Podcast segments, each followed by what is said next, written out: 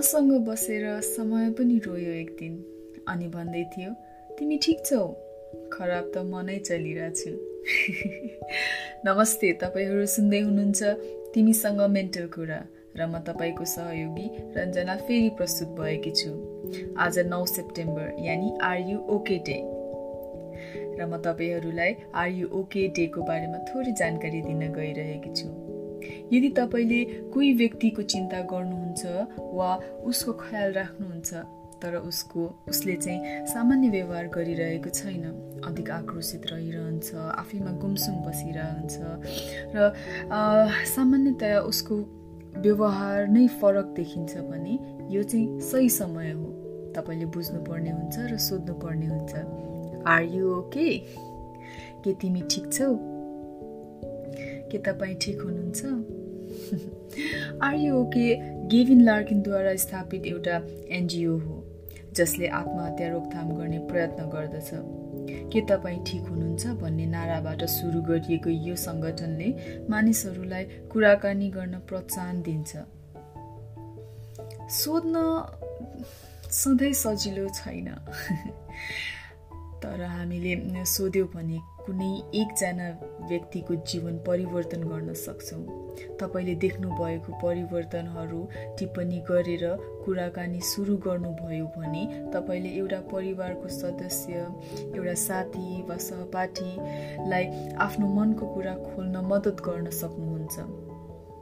आरयु Oakley चाहिँ कुराकानी अगाडि बढाउनलाई चारवटा स्टेप्स दिएको छ। ती हुन् आक्स यानि सोध्नु लिसन यानि सुन्नु इन्करेज एक्सन यानि कार्य गर्न प्रोत्साहन दिनु र अर्को र अन्तिम चेक इन गर्नु अनुगमन गर्नु। र यही सिलसिलामा म मेरो साथी सम्झनासँगको सानो कन्भर्सेसन वार्तालाप लिएर आइरहेकी छु। अनि आशा गर्दछु यो सानो कन्भर्सेसनले तपाईँलाई एउटा कुराकानी सुरु गर्ने तरिकाको बारेमा जानकारी दिनेछ। ल अब मेरो साथीसँगको गफ सुन्नु है त। मेरो साथी सम्झना भन्ने चाहिँ भर्खरै ब्रेकअप भएर अहिले बसिरहेको छ र म उसलाई आज धेरै समयपछि भेट्न गइरहेकी छु। उसलाई थाहा छ मलाई मिठो खानेकुराहरू मनपर्छ त्यही भएर उसले मलाई आज चिकन करी बनाउन गइरहेको छ। म उसको घरमा पुगेँ र मैले उसलाई धेरै गुमसुम देखेँ। खाना पकाउँदै थियो र खाना पकाउने बेलामा पनि ऊ आफ्नै धुनमा व्यस्त थियो। अचम्म अचम्म मानेर म उसलाई हेरिरहेँ अनि नभन्दै उसले मासु पनि डरायो र मैले सोधेँ ओइ मासु त डराइस् त तैँले। के भयो तँलाई? अनि उसले भन्यो केही होइन? अनि मैले फेरि प्रश्न सोधेँ तँलाई सबै ठिक छ नि? के छ भन्? अनि उसले भन्यो खै के हेर्न मलाई थाहा छैन। खासै ठिक त छैन। अनि मैले फेरि भने के भयो तँलाई? मलाई भन्न सक्छस् नि म सुन्छु। मलाई सुन। अनि सम्झनाले रुँदै भनिन् ममा के खराबी थियो र रञ्जना? किन मलाई प्रतीकले छोड्यो? म उसलाई कति माया गर्छु तर उसले एउटा अर्को केटीको लागि मसँग चार वर्षको नाता तोड्यो। उसलाई उसलाई बिर्सिन सकिरहेको छुइनँ मैले। केही कुरा बुझ्न सकिरहेको छुइनँ के गरौँ? कहाँबाट सुरु गरौँ? अनि मैले यसो विचार गरेर उसलाई केही प्रकारको सहयोग चाहिन्छ जस्तो मलाई लाग्यो र उसलाई मनपर्ने कुरा गर्नुपर्छ जस्तो मैले सोचेर मैले उसलाई भने सम्झना? तँलाई घुम्न मनपर्छ होइन? कुनै दिन हामी फेरि घुम्न जाउँ न है यसपालि हामी चितवन जानु पर्ला। त गएको छेस सम्झनाले भन्यो। छैन गएको। हिँड्न त जानुपर्छ। अनि मैले भने सम्झना मलाई थाहा छ तँलाई के भइरहेछ तेरो भावनाहरू। तर एकचोटि तैँले डक्टरसँग पनि सल्लाह लिनुपर्छ कि जस्तो लाग्छ मलाई। के सोचेको छिस्?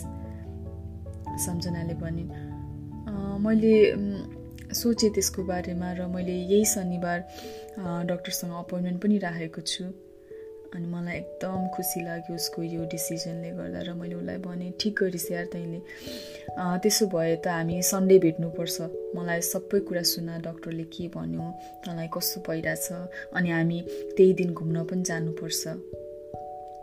चितवन नगए पनि यहीँ काठमाडौँमै अर्को ठाउँमा जानुपर्छ नि हुन्न? सम्झना नै भनिन्। हुन्छ। म तँलाई कल गर्छु नि। र यति भन्दै हाम्रो कन्भर्सेसन सक्यो। यदि तपाईँले यस्तो खालको कन्भर्सेसन कोही व्यक्तिसँग गर्न चाहनुहुन्छ भने तपाईँले एकदम ध्यान दिनुपर्ने कुरा भनेको यदि त्यो व्यक्तिले कुरा गर्न चाहनु भइरहेको छैन भने तपाईँले उहाँलाई जोर जबरजस्ती नगरिदिनु होला। र त्यो व्यक्तिलाई चाहिँ तपाईँले एकदम चिन्ता गरिराख्नु भएको छ भन्ने जानकारी दिनुहोस् र बारम्बार कल गरेर टेक्स्ट गरेर फलोअप गर्नुहोस् कि उहाँ ठिक हुनुहुन्छ कि हुनुहुन्न भनेर। र कुनै पनि व्यक्तिले चाहिँ सुरुमै आफ्नो प्रब्लम्स आफ्नो इस्युजहरू तुरुन्तै भनिहाल्नु हुँदैन। त्यही तपाईँले अलिकति समय दिनुपर्छ। त्यो समयमा चाहिँ तपाईँले ती व्यक्तिको लाइफस्टाइल ती व्यक्तिको दिनचर्याहरू हबिजहरूको बारेमा कुरा गरेर अगाडि बढ्न सक्नुहुन्छ। अनि तपाईँले त्यो व्यक्तिलाई चाहिँ धेरै सुन्ने प्रयास गर्नुहोस्। कहिले पनि मेरो लाइफमा पनि यस्तो भएको छ। मैले पनि यस्तो भोगेको छु। मैले यस्तो गरेको थिएँ मेरो लाइफमा भन्ने कुरा चाहिँ नगरिदिनुहोस्। किनकि यो समय चाहिँ प्रब्लम्स सुन्ने समय हो। आफ्नो एक्सपिरियन्स सुनाउने समय होइन। आफ्नो एक्सपिरियन्स सुनायो भने चाहिँ उहाँले इन्ट्रेस्ट दिन र तपाईँको कन्भर्सेसन एन्ड हुन्छ समाप्त हुन्छ।